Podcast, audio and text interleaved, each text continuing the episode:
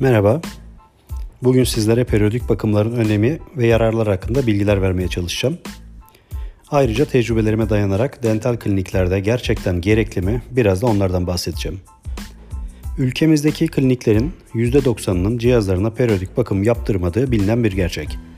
Buradan yola çıktığımızda da gittiğim kliniklerde hekimlerimizle yaptığım sohbetlerde bu konuyu sorduğumda aldığım ilk cevap bunu yapabilecek yetişmiş ve bilgili personelin olmadığı oluyor.''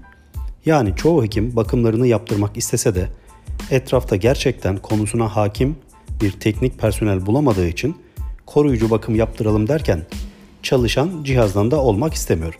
Bu konuda müşterilerimize kesinlikle hak veriyorum. Şimdi nedir bu koruyucu bakım? Bize ne avantajlar sağlar sorularına cevap verecek e, olursak sonrasında da bu hizmeti kimlerden ve nasıl almamız gerektiği ile de devam edelim. Periyodik bakım ve koruyucu bakım dediğimiz önceden belirlenen bir zaman periyodunda cihazların baştan ayağa kontrol edilerek fabrikanın ömür biçtiği parçaların değiştirilmesi ve bakımlarının yapılarak temizlenmesi işlemidir. Zaman periyotları üretici firma tarafından belirlenir ve firmadan firmaya değişiklik gösterir. Yani kimi cihazlar 6 aylık, kimi cihazlar aylık, kimi cihazlar ise yıllık bakıma ihtiyaç duyar.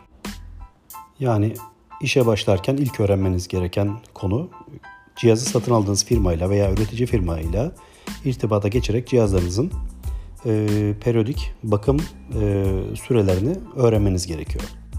Bakımların belirlenen sürelerde yapılması çok önemli çünkü tüm cihazların içinde ömürlü parçalar bulunur. Mesela diş ünitleri içerisinde birçok valf, membran, conta bulunur. Bunlar su ve hava ile sürekli temas halindedir. Özellikle su ve havayla temas eden parçaların mutlak suretle belirli periyotlarda temizliği ve yine belirli periyotlarda değişimi gerekmektedir. Yani nasıl ki arabanızı alıp hiç bakıma sokmadan, yağını suyunu değiştirmeden 100 bin kilometre gidemiyorsanız, cihazınızı da alıp hiçbir bakım yaptırmadan 3-5 yıl kullanmayı e, düşünmeyin bile. Dolayısıyla bakım işlemi çok çok önemli bir işlem. Bu bakım bizlere birçok fayda sağlar.